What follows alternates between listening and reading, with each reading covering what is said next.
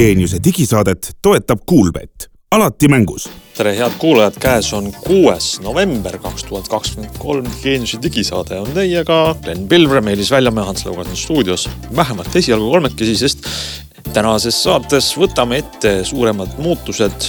maailma populaarseim sotsiaalvõrgustik hakkab nüüd meie käest raha küsima ja mitte vähe, nii arvutis kui mobiilis ja igal pool mujal ja järgmine aasta tõusevad hinnad veelgi.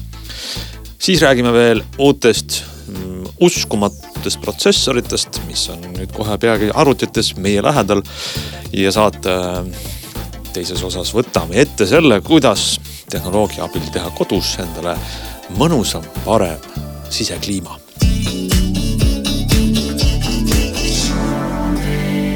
no nii ja räägime nüüd siis esmalt võib-olla sellest kõige suuremast muutusest, mis puudutab kõige suuremat hulka inimesi planeedil Maa, kes kasutavad internetti, sest kõige rohkem e-teenuse kasutajaid peaks olema Facebookil. Minu teada viimase, viimaste arvestuste järgi kõikidest igasugustest sotsiaalvõrgustikest. Ja nagu siin kuulutud on viimasel ajal ähm, ringelnud, siis oktoobri viimastel päevadel sai kuulutud kinnitust. Ja Facebooki emafirma Meta andis välja ametliku teate kus siis öeldi väga sõbralikus keeles, et äh, riigid, mis asuvad Euroopa Liidus, Euroopa Majanduspiirkonnas, Šveitsis, nendega on sihuke lugu, et vaadake, teie, kallid inimesed nendes riikides, saate nüüd hakata meile raha maksma otse. Ja pressiteate kohaselt inimesed võivad, nendes riikides olevad inimesed võivad siis äh, teha Facebookile tellimuse ja kasutada Facebooki tooteid ilma reklaamideta, mis maksab üheksa eurot üheksakümmend üheksa eurosenti kuus. Äh, kui kasutad seda veebibrauserist või siis kolmteist eurot äh, mobiiliäpis ja huvitava nüansina veel, see väidetavalt hakkab siis kehtima novembrist. ja huvitava nüansini märtsist lisandub veel üks lisatasu. Äh, esimesest märtsist kaks tuhat kakskümmend neli võib siis lisatasu eest kuus eurot kuus veebis, kaheksa eurot kuus äh, mobiiliäpis kasutada nii-öelda lisakontosid, et ühe inimese tellimuse all võib olla mitu kontot, lisakontod on pisut soodsama hinnaga. ehk siis Facebook ongi nüüd tasuline, kes soovib selle eest maksta. et natukene sellest äh, sotti saada, mida see muutus tähendab ja kuidas ta võib-olla võib mõjutada nii meid, tavalisi kasutajaid, kui ka neid, kes siis ütleme reklaami ostavad, kutsusime saatesse Brit Mesipuu Brit, sina töötad Milos reklaamiagentuuris ja, ja põhimõtteliselt sinu töö ongi Facebooki äh,, neid, kes reklaami tahavad osta, neid juhatada Facebookis. et sa saad aru, kas nüüd, kui suur hulk inimesi hakkab Facebookile maksma, on nad reklaamimaailmast täiesti ära lõigatud? nii, tere ka minu poolt jah äh, sügavalt kahtlen, et te ise ostate seda tasulist versiooni või? tead, mina ei ole oma konto juures seda veel näinud, Äh, ilmselt see nüüd võib-olla ilmub mulle mingi päev, ma tahaks seda katsetada.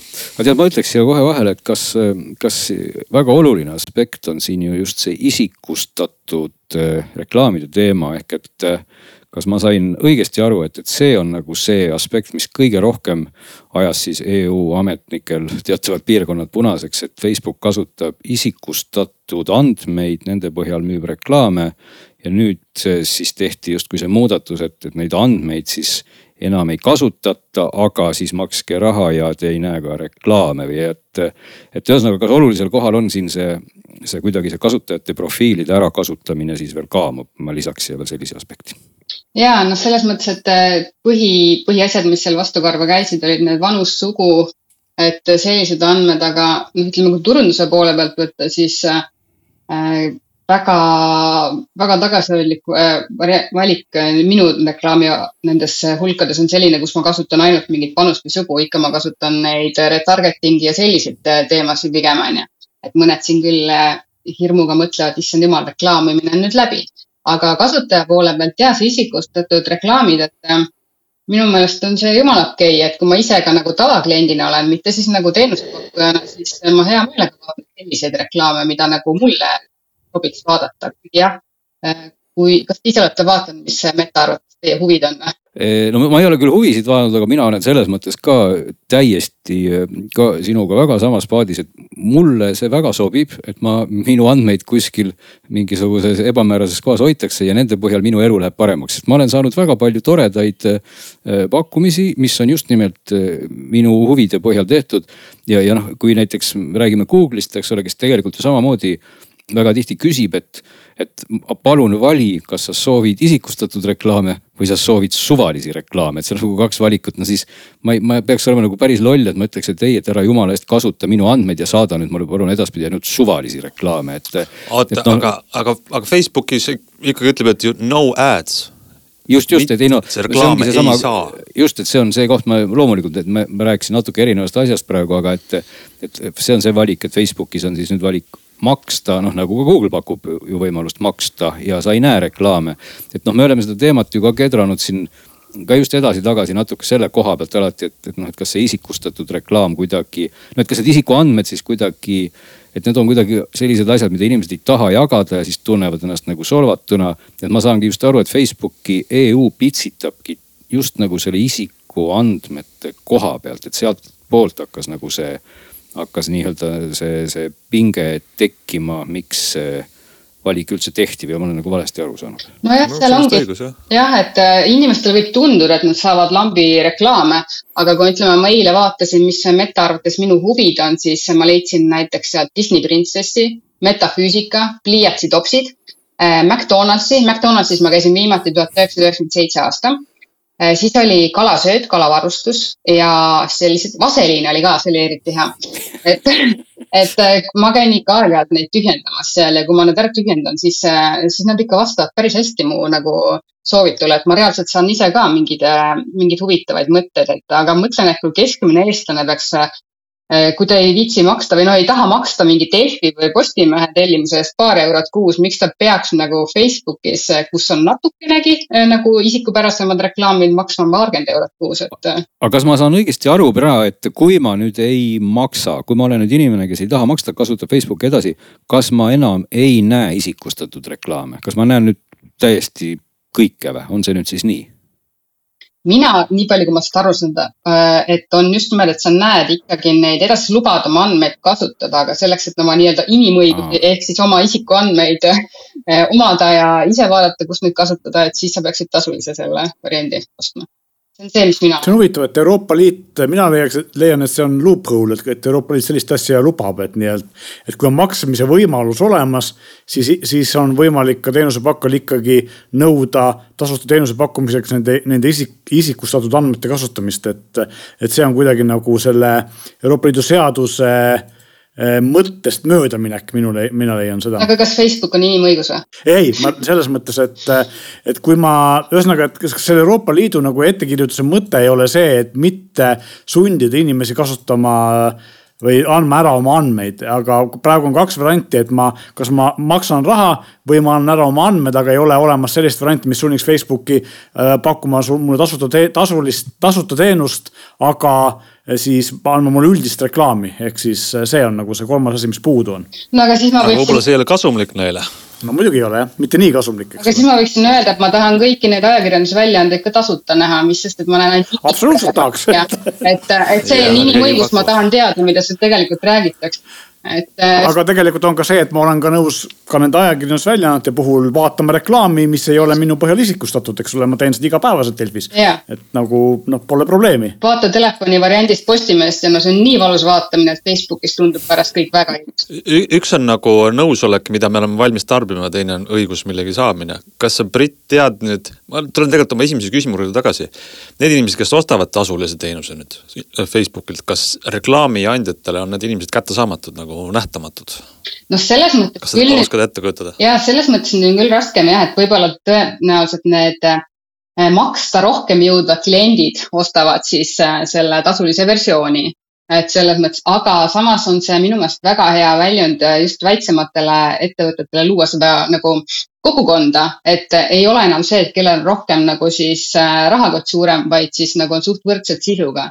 aga samas nüüd siin ma ei tea veel täpselt seda, et tuli Andrus Kiiskila siin just rääkis, et tuli see äh, gruppidesse reklaami sihtimine.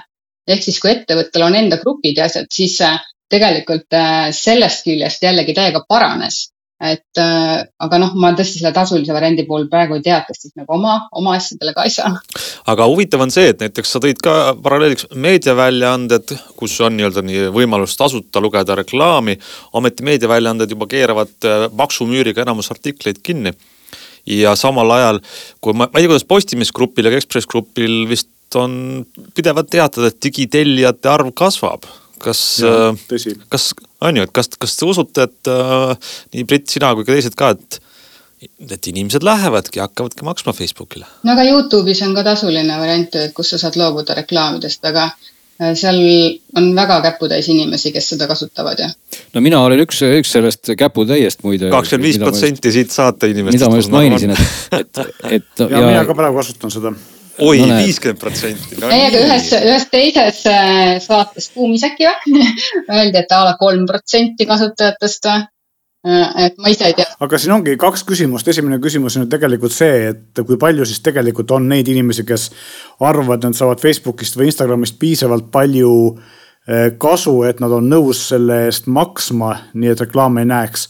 et ma arvan, et see kogus inimesi, kes Youtube'ist saab rohkem kasu kui Facebookist on, ma arvan, suurem. ja ometigi nende protsent on väga väike, et ma julgeks väita, et ka selle Facebooki eest maksvate inimeste protsent jääb sinna noh, maksimaalselt ühe kanti, võib-olla isegi vähemaks, eks ka sellisel juhul. kindlasti jah. aga, aga ja ainuke ja inimesed, kes nagu tegelikult siis selle raha ära maksavad, ongi ilmselt see seltskond, kes ongi ise influencer'id ja sisuloojad ja nii edasi, kes tahavad saada nii-öelda sellist puhast feed'i ja neil on piisav sissetulek, eks ole. no ma ei tea, aga ma tahaks konkurente ka näha ju, et mida nemad postitavad, et äh, turundajana või ka influencer'ina, siis ma, kui ma kaotan need reklaamide vaatamise ära, siis nagu päris, üks ütles hästi, üks äh, turunduse grupis, et et kuidas et ta ei raatsi reklaamidest loobuda, sellepärast et need on mu ainsad aknad maailma. no aga tegelikult siis võib isegi öelda, et kogu selle, kogu meie pikk jutt kipub olema ju suhteliselt tühi, sest see tähendab seda, et need inimesed, kes kasutasid seni Facebooki ja midagi ei maksnud ja kasutavad seda täpselt samamoodi edasi,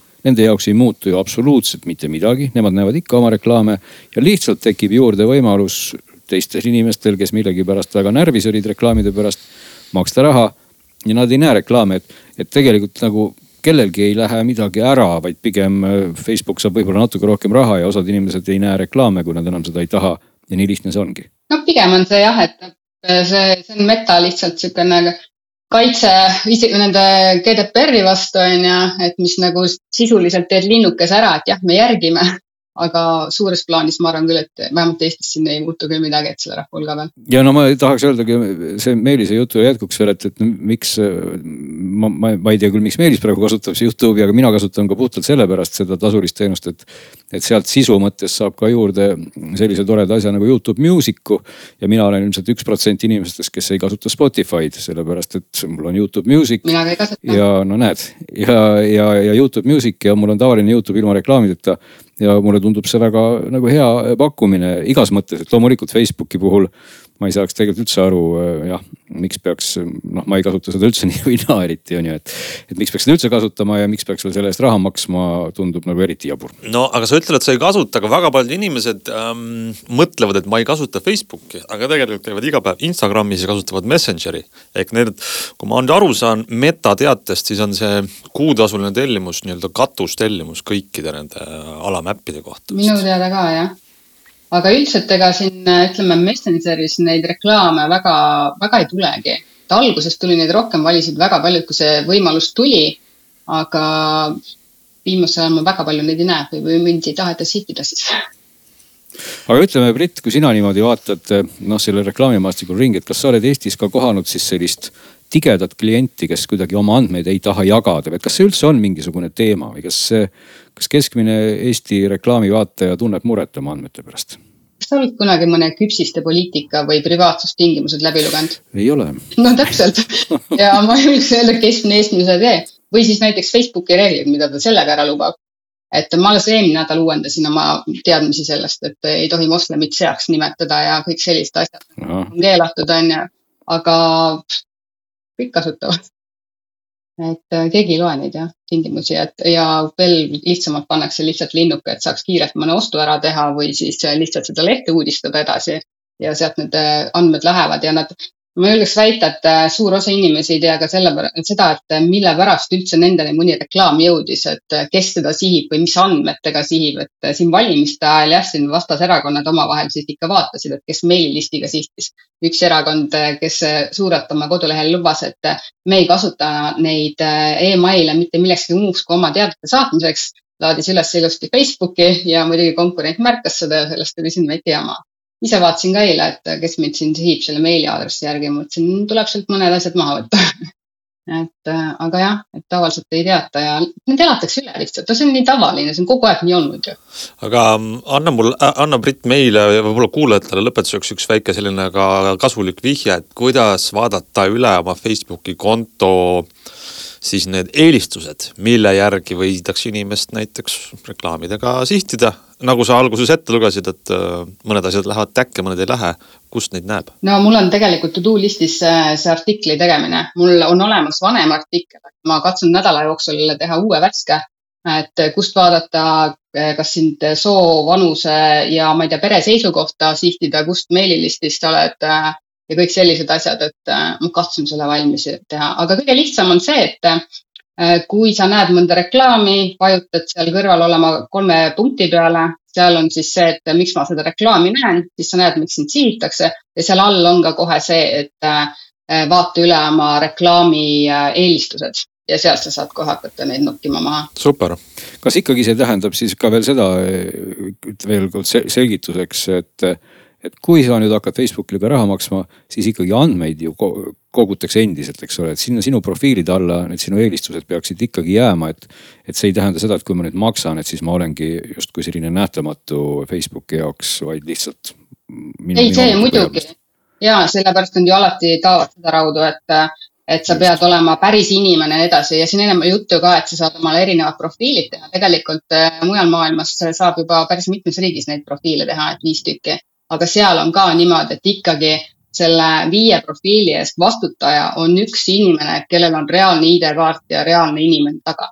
et ka seal ei jää sa mingiks incognitoks inimeseks, et. Äh, ka pilt. ma vaatasin praegu üle sellesama sinu õpetuse järgi klikkisin ja siis siin on üks selline huvitav asi nagu hiljutised reklaamitegevused ja ta ütleb, et vot sel kuupäeval oled sa klikkinud seda reklaami ma olen päris kindel et, et üheksakümnel protsendil neist ma ei ole ise teadlikult ega meelega klikkinud.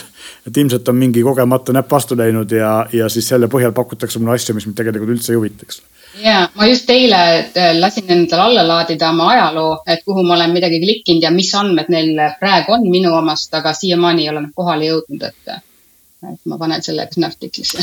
ja väga hea, kust sinu artiklit lugeda võiks siis saada, kui see juhis on valmis? Äh, milos.ee kodulehel, seal on kasulik artiklite rubriik. hoiame silmad lahti ähm,. aga tundub, et kes maksta ei taha, saab siis oma eluga rahulikult Facebookis edasi minna. igatahes aitäh, Brit, meile tulema vestlemast ja järgmise korrani. jah, aitäh kutsumast. võtame järgmiseks ette nüüd Apple'i uudised järg-, järgmisel nädalal. ei, ei, ei, eelmisel nädalal Apple'il oli suur, väga veidralt ajastatud tooteesitlus, kui enamjagu nende tooteesitlusi on alati hommikusel ajal, millega ka Euroopa õhtuses tsoonis neid näeb, siis seekord oli see ajastatud sellisesse imelikku ähm, aja, kellaaega, et nagu keegi siinpool Atlandi ookeani seda väga näha ei saanudki, kes väga ei tahtnud. aga hiljem, nagu me hommikul vaatasime, tulid välja uued protsessorid, mis on nüüd eriti, eriti arenenud.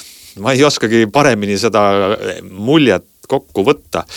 Äh, Apple'i M3 protsessorite perekond on nüüd väljas M3, M3 Pro ja M3 Max, mis on siis eriti äh, noh, kolme nanomeetrise tehnoloogiaga protsessorid, mis on ikkagi enneolematu tase äh, arvutite puhul, laiatarbes ülearvutite puhul kui mitte üldse täiesti esmakordne sellise peavoolumasinate puhul. ja mida see tähendab, see tähendab ennekõike rohkem kiiremat äh, võimekust, paremat graafikavõimekust ja seda kõike siis enneolematult hea aku juures. kui ma nüüd ei eksi, siis tavalise M3-ga MacBook Prod kestavad sul kuskil kakskümmend kaks tundi lausa ühe aku pealt, et mis on kindlasti rohkem, kui keskmine inimene jõuab üleval olla, nii et see väga võimsa tasemega Apple'i uut, uued äh, protsessorid suudavad siis pakkuda tõesti äh, kaasaskantavast sülearvutist võimsust, mida, mida on raske ühe, ühe päevaga ära kulutada.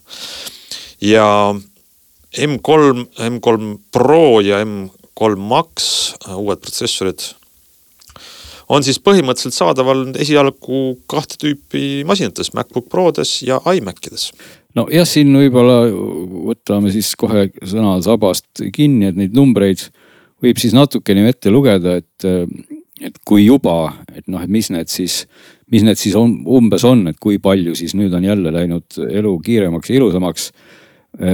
võib-olla kõige radikaalsem number on siis, et tänased uued MacBook Prod siis M3 protsessoriga on üksteist korda kiiremad kui Inteliga olid MacBook Prod ehk siis viimane põlvkond. Inteli protsessoritega arvuteid on väidetavalt üksteist korda aeglasem, see on, see on päris raju number tegelikult, et äh, mis testid on parajasti, selline number on saadud, küll otseselt ei selgunud, aga selline number välja käidi, kui vaadata siis äh, võrreldes M1, M2-ga neid äh, jõudluse ja, ja kasutegurlikkuse näitajaid siis GPU osas ehk graafika osas uus protsessor siis kaks ja pool korda kiirem M1-st ja üks koma kaheksa korda kiirem M2-st. ja kasutegur ongi seesama koht, mis juba Ants mainis, et aku vastupidavuse osas. et põhimõtteliselt siis äh, uus protsessor teeb ära sama töö nagu tegi siis ennem ära M1 poole aku või ütleme poole energiakuluga nii et eh, sealt tuleb siis see pikk akuaeg ja veel palju vähem tarbivam on ta siis eh, veel muudes asjades, näiteks Neural Engine, mis on siis uues protsessoris, on tervelt kuuskümmend protsenti kiirem, kui oli ta M1-s, viisteist protsenti kiirem kui M2-s. ja, ja kui vaadata siis noh, nad ilmselt nad on mõelnud ikkagi Inteli protsessorit, nad oma seal võrdlustes on siis toonud välja selliseid nii-öelda nagu no-name. noh, et toome võrdluseks siin kaheteisttuumalist protsessorit teiselt tootjalt. siis väidetavalt selle teise tootjaga võrreldes kasutab M3 ära ainult kakskümmend viis protsenti energiat mida siis see teine tootja peaks täie, täie rauaga ehk sada protsenti kasutama, et saada siis sama tulemust. ja graafika osas on see number koguni kakskümmend ehk M3 tarbib kõigest viiendiku elektrit, olles siis sama võimelik, võimekas kui siis selle konkurendi kaheteisttuumaline sülearvuti või protsessor. nii et need numbrid on, on üsna, üsna radikaalsed ja need protsessorid muidugi lähevad noh, kui seesama, see viimane, mis on siis Max. et tegelikult äh, Max oma olemuselt on siis neljakümne tuumaline graafikaprotsessor. kuueteist tuumaline siis noh CPU ehk nagu põhiprotsessor ja toetab siis sada kakskümmend kaheksa gigabaiti seda jagatud mälu. et need teatavasti need M1, M-seeria protsessorid kõik kasutavad siis nii-öelda seda unified memory't ja, ja selle M3 Maxi puhul ka muide Apple ise siis mainis oma esitlusel ka mm, just keelemudelite tuge või et seda poolt, et, et selle protsessori võimekus äh, väga hästi sobitub siis meie tänase tehisintellekti jooksutamiseks juba, mis, mis kahtlemata neid näitajaid arvestades läheb, läheb järjest olulisemaks. aga mulle, mulle isegi rohkem tundub nagu üllatavam see, no iga nurga alt, kust vaadata, on ikkagi meeletult võimsad protsessorid, aga eelmisel põlvkonnal mäletatavasti tuli veel välja sihuke asi nagu M2 Ultra, mis oli siis mõeldud nendesse noh, kujutate ette stuudioarvutid ja, ja sellised tõelised tööloomad äh, oligi Mac Pro ja, ja Mac Studio oli vist ka selline väike kast, mis ei ole nagu kaasaskantavad. ja nüüd ma vaatan, et selle uue M3 Maxi tase on siis põhimõtteliselt sama võimas kui M2 Ultra ehk nüüd, nüüd on siis see kaasaskantav nii-öelda protsessor on sama hea kui need eelmise aasta need stuudiotööloomad. väga võimas, aga üks asi mulle ei, ma ei saa aru või väga imelik mulje on, kui ma vaatan nüüd uusi MacBook'e, mis on kõik väga kenad, kadunud on siis puutetundlik riba, touchbar kõikidelt mudelitelt. aga uut, uued MacBook'id tulevad M3-ga Mm. Lihtsalt esimesed valikud on siis kahes suuruses, on äh, neljateist tolline, äh, kõige soodsam mudel on tuhat kuussada dollarit, äh, eurodes muidugi natuke rohkem.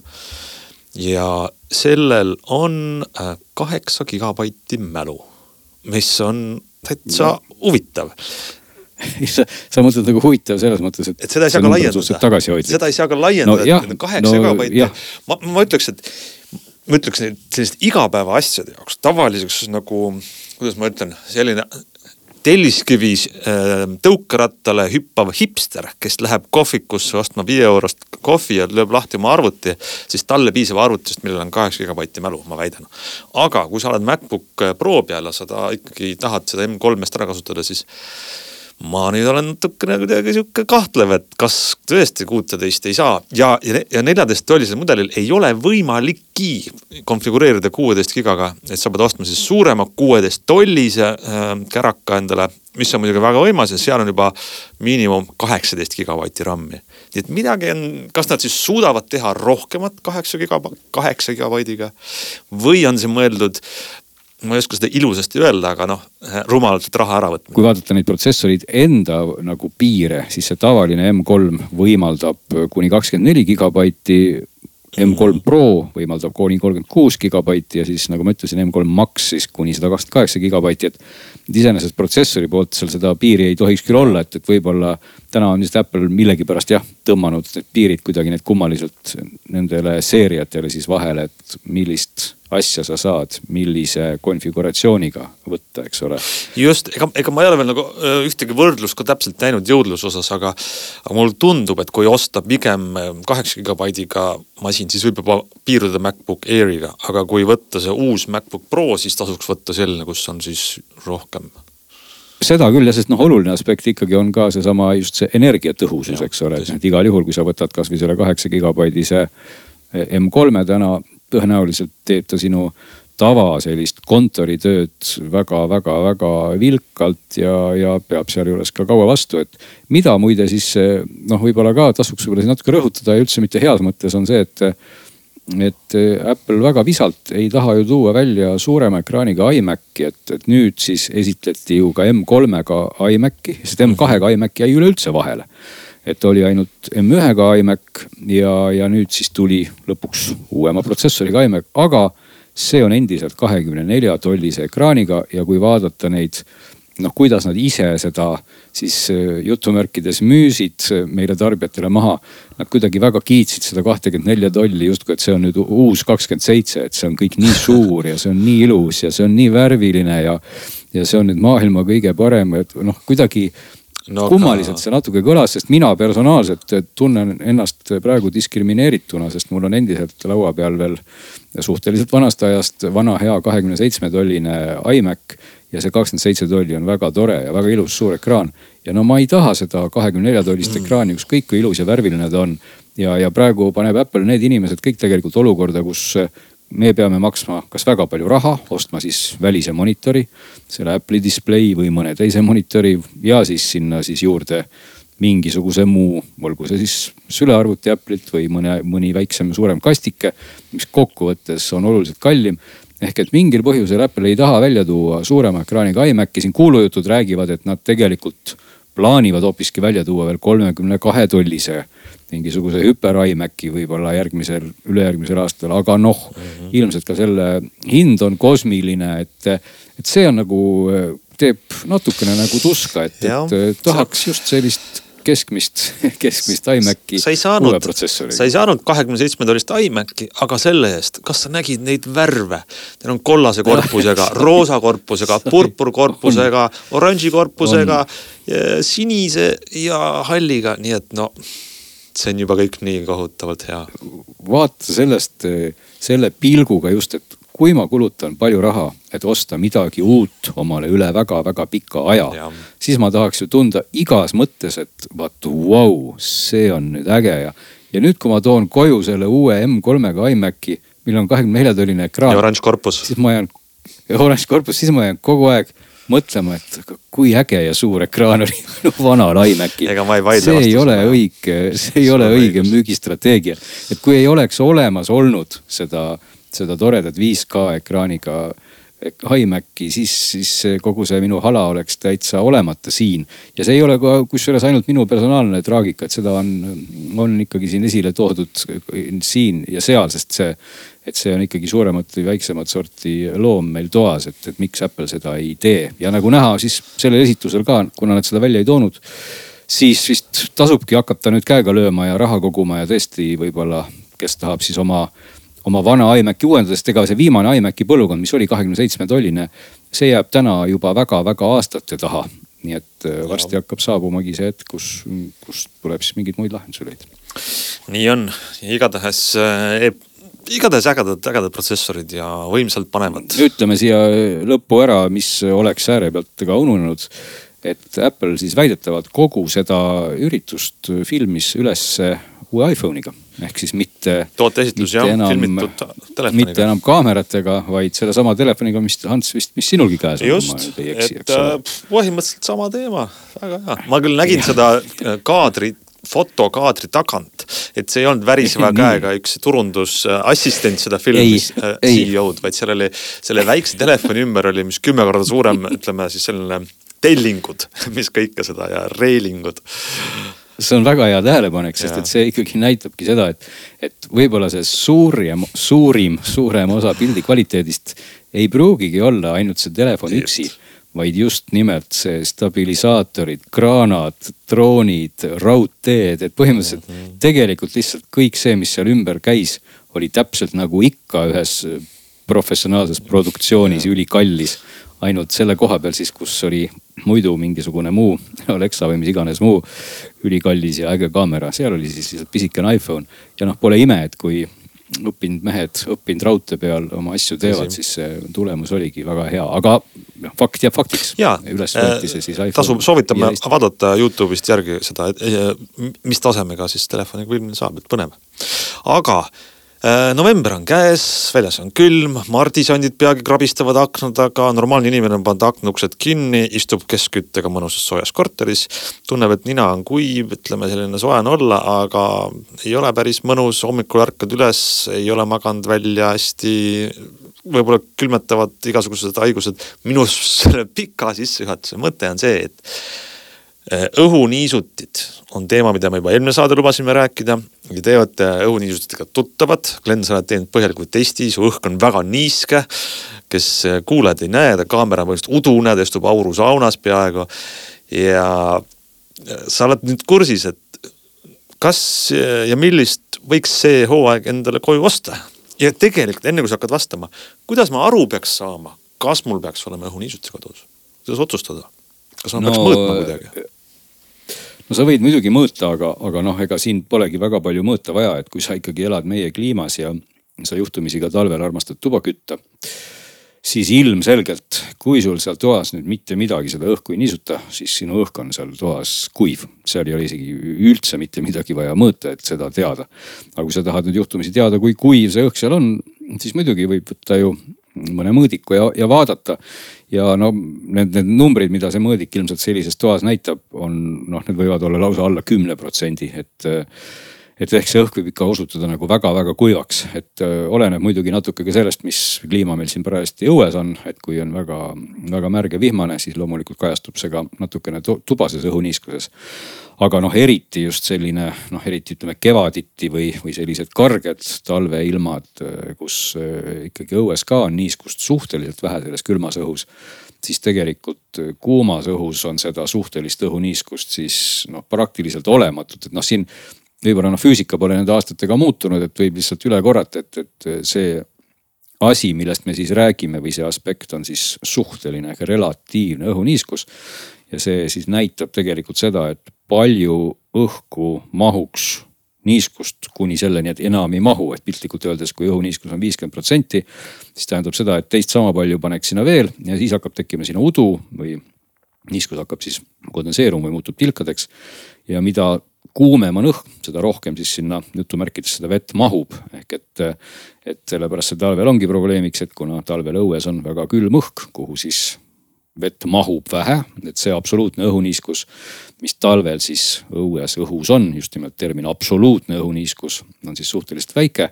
ja kui me võtame selle õhu ja kütame selle soojaks, siis vett ei tule sinna kuskilt juurde, aga siis see suhteline õhuniiskus muutub väga-väga väikseks, sest see soe õhk nii-öelda piltlikult mahutaks kordades rohkem õhku või vett, kui mahutab siis see külm õhk. Ja, ja noh, meie organismi jaoks just nimelt on väga oluline just see suhteline õhuniiskus, sest inimese nahk teadupärast just äh, sellega oma asju ajabki kogu aeg, et kui meil on palav või külm, siis vastavalt nahapinnalt meil muudkui aga aurab seda niiskust siis sellises mahus, nagu parajasti see õhuniiskuse protsent võimaldab ja kui meil on õhk üli-ülikuiv, siis meie kehal on, on paha, sest et, et meilt muudkui seda niiskust läheb hästi palju ära ja siis ongi needsamad ilmingud kõik, et silmad kipitavad või kurk on kähe.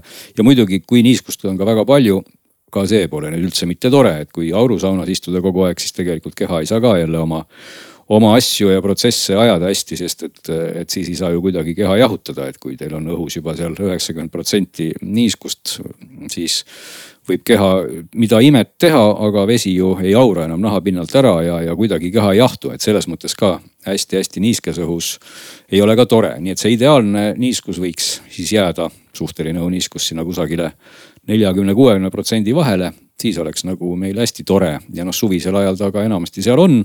võib-olla isegi rohkem, oleneb jälle, mis ilm meil parajasti väljas on, aga noh, kuna siis on temperatuur enam-vähem sama, siis seda probleemi pole, aga ühesõnaga talvel siis igal juhul on see niiskus meil väga, see oli siis teooria. ja praktika, kuidas siis äh, niisutus tööle saada kodus?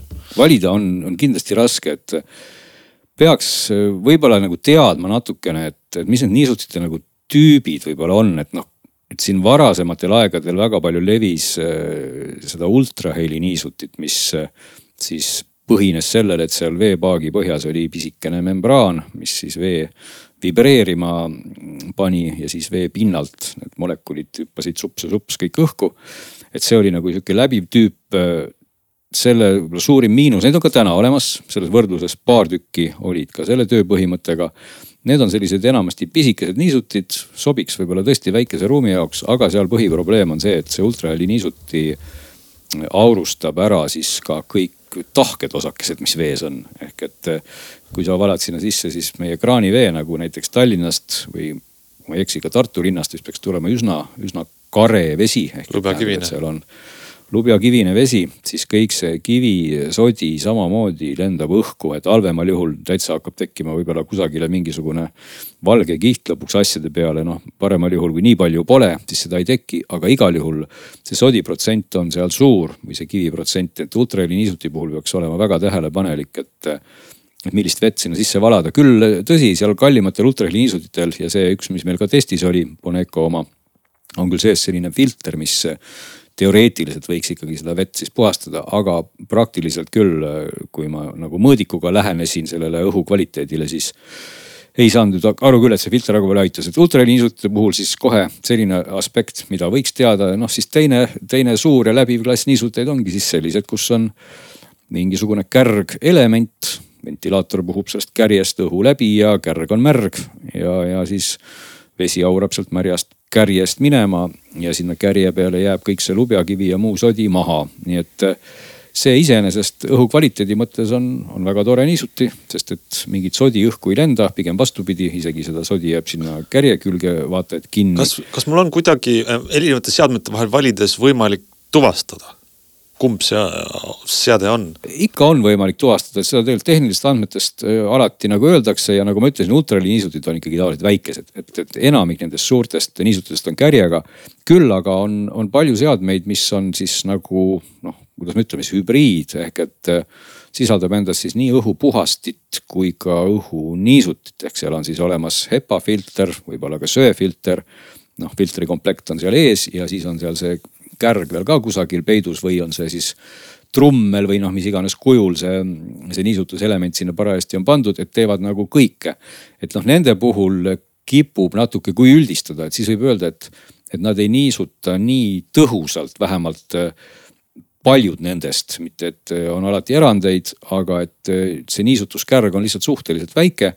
ta puhastab küll õhku hästi aga ta ei niisuta hästi, seda tasub vaadata parameetritest, kus äh, mõõdetakse siis seda liitrites tunnis. Ehk et noh, maksimaalne võimekus on liitrist, liitrit tunnis. Ja noh, siinkohal tuleb küll öelda, et ega talvistes oludes meil noh, sellised elamised, mis ikka on seal kas just nüüd sajad ruutmeetrid, aga noh, võib-olla seal sinnakanti kümned vähemalt kuni sajani, siis siis tegelikult vett kulub ausalt öeldes talvel väga-väga palju, et kui tahta nagu kogu seda elamist omale sinna nelja-viiekümne protsendi juurde kergitada, siis ikkagi võib liitrites seda vett päeval omale ära niisutada ja peab ka arvestama seda, et et need maksimumvõimekused, mis siis niisutitel on antud, need on nende maksimumvõimsusel ja maksimumvõimsusel teevad nad ka maksimumhäält. ehk et siis ikkagi ventilaator teeb kõva mühinat, nii et pigem võiks jah, võtta suurema niisuti igal juhul, kui tahta nagu seda, et see ei puhiseks kogu aeg nurgas valjult ja teistpidi ei peaks seda vee Äh, kannu või anumat või paaki, kuidas ta siis parajasti tootjal on, käima kogu aeg täitmas. sa, sa, ma saan aru, testisid mingeid seadmeid ka, räägi seadmetest, milline see on? no ma testisin seadmeid jah, no vot seal oli nüüd, kas oli üksteist või kaksteist tükki. võtsime enamiku neist Euronixist ja teise osa nendest ProAirist. ProAir siis selline firma, kes nagu nimestki võib selle juba aru saada, tegelebki siis õhuga, mis võiks muutuda siis professionaalselt heaks ja tegelikult eh, noh, Euronixi valik oli Bonecot, üks väike Beurer ultraheli ja siis Dyson, mis on ju väga ilus ja, ja tore ja ka Philipsid ja Statler vormid ehk et kõik need olid siis sellised niisutid, mis võib-olla natuke lähevad rohkem sellise laia tarbeklassi.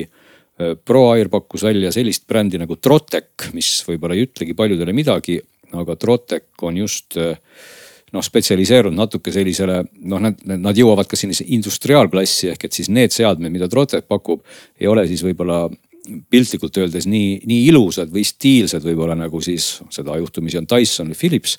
aga nad teistpidi on sellised tööloomad, nii et et kes tahab rohkem äh, just sellist võib-olla vähem välist ilu, aga suuremat äh, õhuniiskust ja siis, siis tasub täiesti selliseid brände vaadata. teine, mis muidugi jah, päris võib-olla sinna alla ei lähe, on siis Go-Way, samuti ProAirist Go-Way.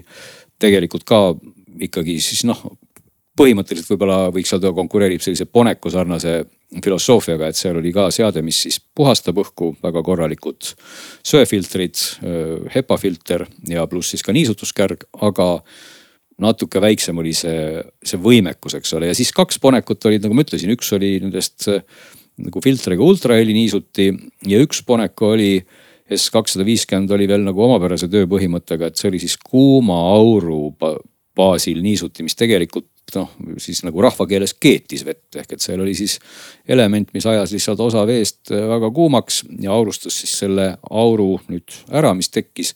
aga selle see puhul. see võtab kõvasti voolu või? ta just, ta võtab kõvasti voolu, et mõõtsin, mõõtsin ka vatte ja sealt ikkagi töö ajal ongi tegemist seal äh, sadade vattidega, üle kahesaja ja samamoodi noh, siis jääb see kiviosa siis sinna muidugi maha, seal on ka filtrid.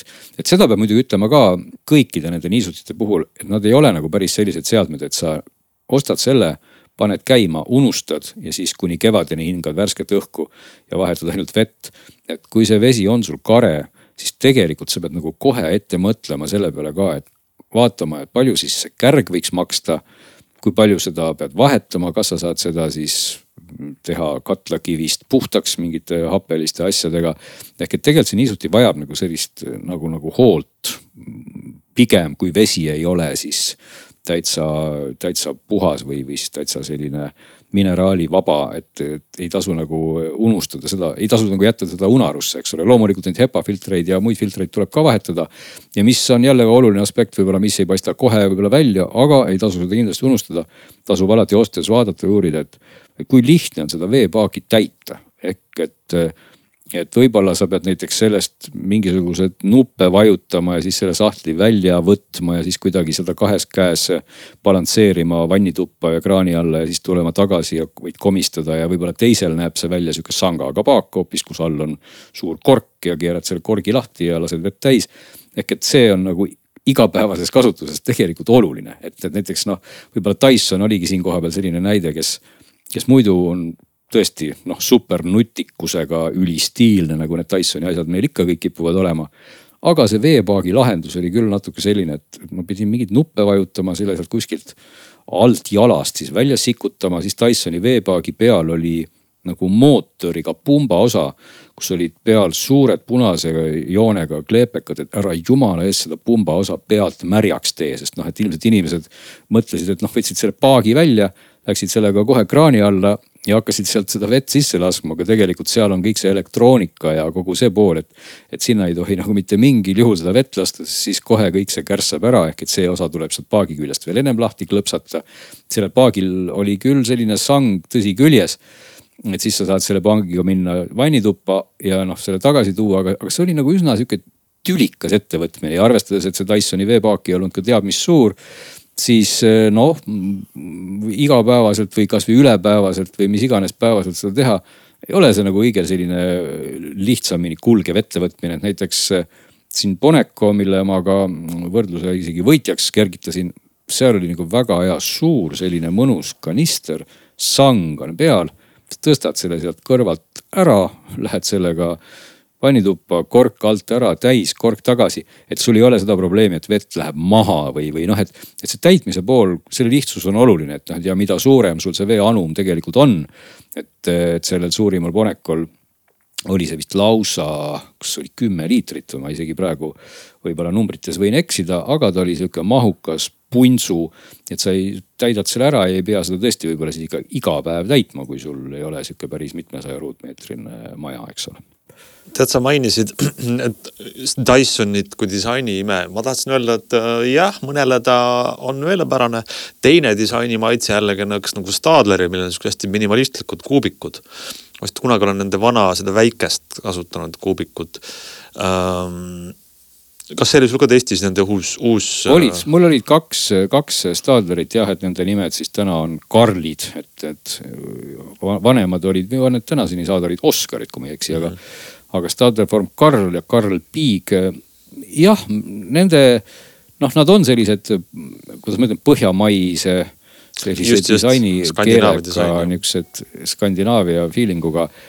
Nende puhul võib-olla noh, kas, kas nüüd miinus või pluss, aga, aga eristuv omadus on see, et, et see vesi või ütleme, see kärg on nagu otsapidi mm, noh, kuidagi tahaks lihtsalt asja keeruliselt seletada või vastupidi, et et kui seal eh, nii mõneski seadmes eh, siis või ütleme enamikes teistes seadmetes lausa on ikkagi mingit sorti eh, nagu pumbamehhanism või on siis pöörlev kärg ehk et tegelikult see veepaagi tase kärje suhtes on konstantne, et tegelikult kärjest nagu vee all on vähe ja kogu aeg see kärg on nagu siis õhuga kokkupuutes ja niisutusvõimsus maksimaalne.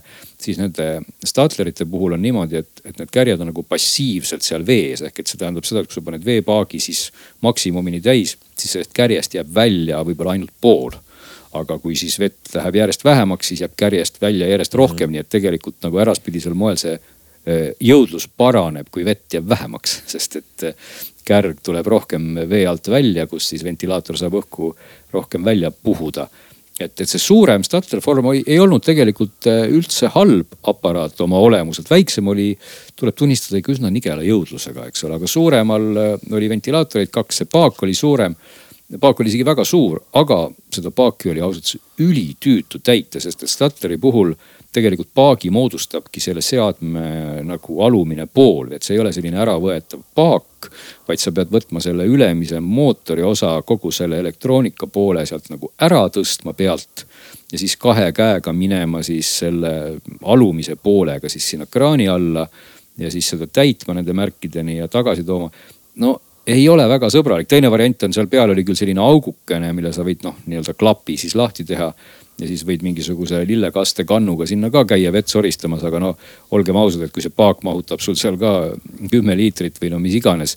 no siis äh, ma tahaks näha sellist veekaste kannu, kes siis äh, sellega, no võib-olla on olemas, võib-olla see on minu probleem, et mul ei ole sellist kümneliitrist kastekannu, et siis ma saaks ka ilmselt käia sellega seda tegelikult täitmas, et noh, minu nagu loogika oli jah see, et ma kogu aeg viisin neid kraani alla neid niisuteid, et võib-olla. sul oli ka võib-olla tööstuslik testimine, sul oleks pidanud muidu käima. võib-olla mul oli nagu vale loogika jah, aga, aga, aga noh, küll, küll kui sa seadmetest veel küsisid, et, et, et mida ma nende Trotecite puhul tooksin välja mis ausalt öeldes jättis, noh, ma küll kahjuks testi võitjaks ei saanud teda lihtsalt selles mõttes panna, et, et ta oli võib-olla muudelt omadustelt natuke jäi alla sellisele noh, kuidas ma ütlen, sellisele tavastandardile, mis eeldab võib-olla niisugust disaini või nutikust. aga, aga Trotec Pae kakskümmend kaks oli selle nimi ja maksab kõigest sada nelikümmend eurot, eks ole, et kui me vaatame siin, et Dysoni hind on kaheksasada -hmm. ja, ja siis äh, testi võitjal Bonecol H700 on see kuussada eurot, siis sada nelikümmend on ju suhteliselt vähe. ja selle raha eest ausalt öeldes said sa praktiliselt sama palju niisutust nagu siis testi võitja Bonecu, kellel oli siis ka väga suur selline trummerkärg. et see Trotec tegelikult noh, oli natuke selline odav plastmassine kus ma ütlen jutumärkides junn, noh, aga, aga ta tegi oma tööd nagu väga-väga hästi. et tegelikult, kui sind ei huvita see õhu nagu puhtus hepa mõttes või et sa ei taha neid mingeid fancy sid wifi sid või Bluetooth'e või võib-olla sellist ära väga viimistletud disaini. siis see saja neljakümne eurone Trotec tegelikult niisutas nagu, nagu hullu, et, et noh, nende maksimaalne võimekus oli seal kas oli peaaegu liiter tunnis. ja, ja siis noh, ma testisin neid ka küll niiskemates oludes, aga ta sai sealt kätte ka seitsesada viiskümmend grammi tunnis, mis oli nagu, nagu oligi testi teine tulemus. ehk et tahan lihtsalt öeldagi seda, et, kui nagu huvitab väga odava raha eest saada väga palju niiskust, siis oli ta väga hea seade, et tal ei ole sellist automaatikat küll, aga noh, nendel auruniisutitel kipub ka olema, et füüsikaseadused on omamoodi automaatikaks, sest noh, teatavasti, et mida rohkem sa mm, noh, mida kõrgem on õhuniiskus, seda vähem siis õhk niiskeks muutub, kui see sealt kärjest ventilaator läbi puhub, nii et. nii et noh, teoreetiliselt muidugi võib olla see oht, et sa ajad selle õhu oma seal juba liiga niiskeks mingi kaheksakümne protsendi kanti, aga noh, siis hakkab see niiskust nii vähe sealt kärjest juba auruma nii et, et selle piirini ilmselt talvel jõuda, noh, see on suhteliselt ebareaalne.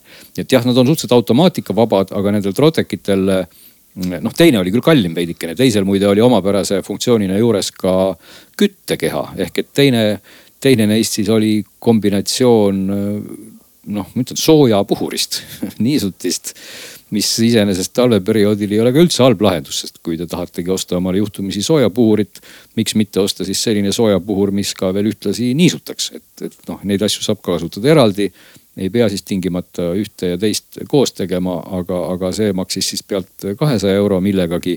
nii et ka noh, omamoodi tore lahendus ja nägi välja oluliselt ilusam ja stiilsem siis, kui see kedagi huvitab, kui siis see päris kõige odavam Trotec mm. -hmm. nii et eh, erinevad, erinevaid lahendusi on jah nagu palju, et mida siis oluliseks pidada, see nutipool Dysonil oli väga hästi lahendatud, Dyson on läbi wifi. muide Dysoni puhul, mis ei ole hästi lahendatud, on Eesti regiooni tugi.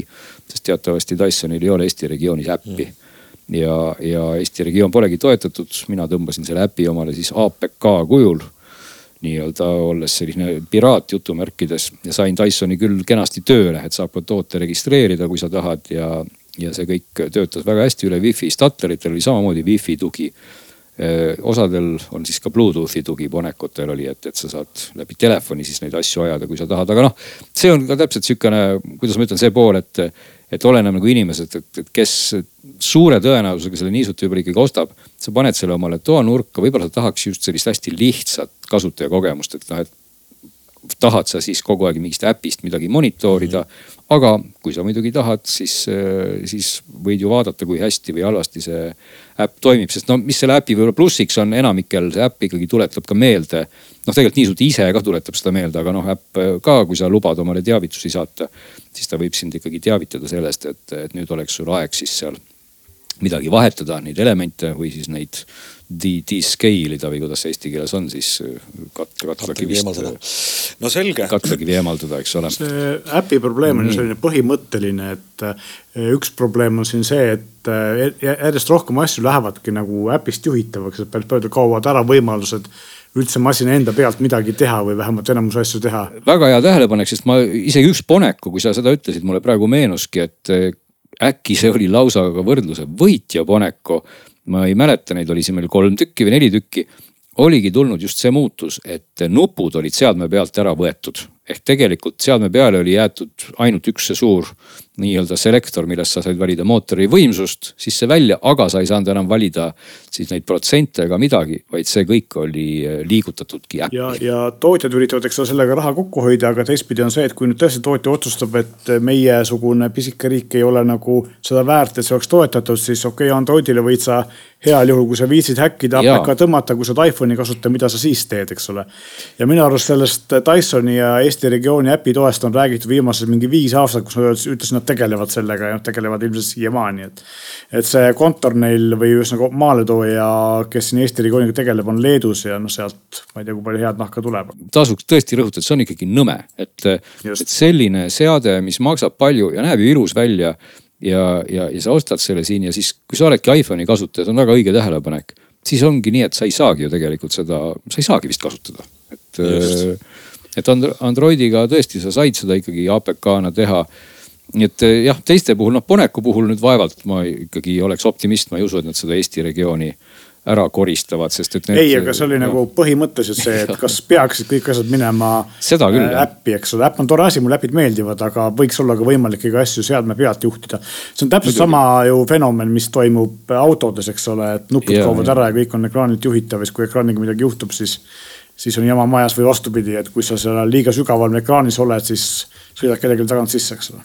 absoluutselt, noh minul personaalselt on üks, üks Philipsi äh, niisut puhti ja puhasti kombinatsioon, mis on siin nüüd aastaid oma asju ajanud ja ma olen lihtsalt ütlekski, et, et, et mis on võib-olla selle ajal nagu kogemuslikult suurimad probleemid, ongi see, et just sellesama katlakivi eemalduse teema.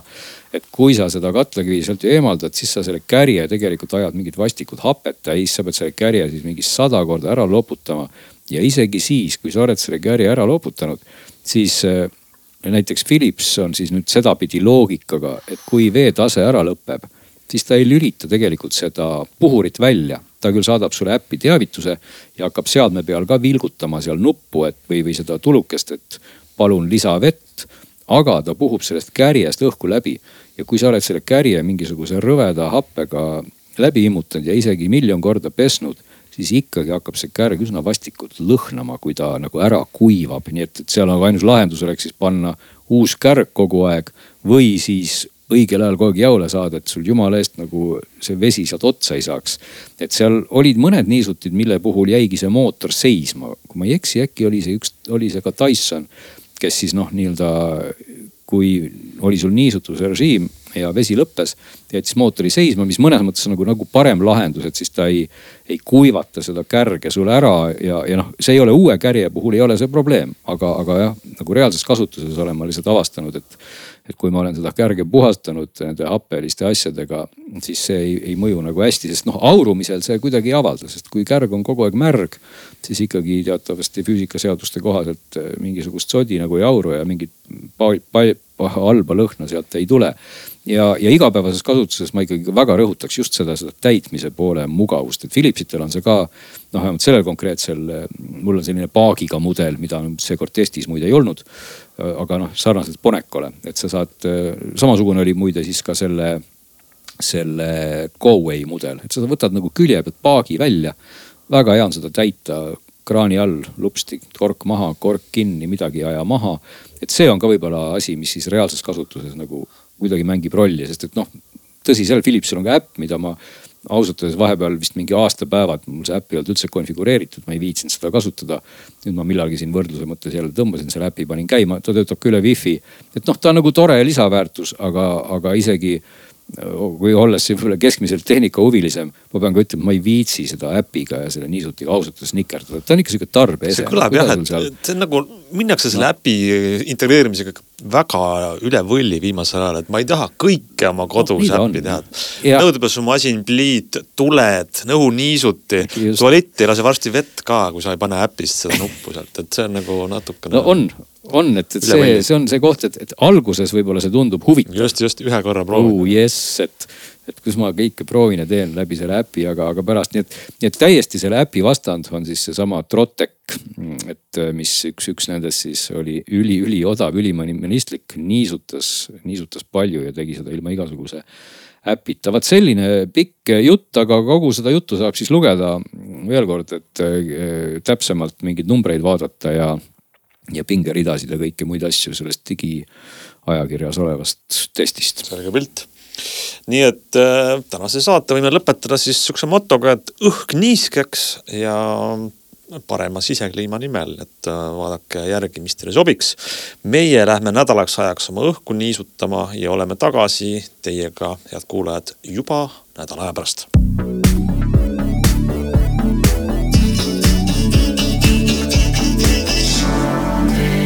Kuulmet, alati mängus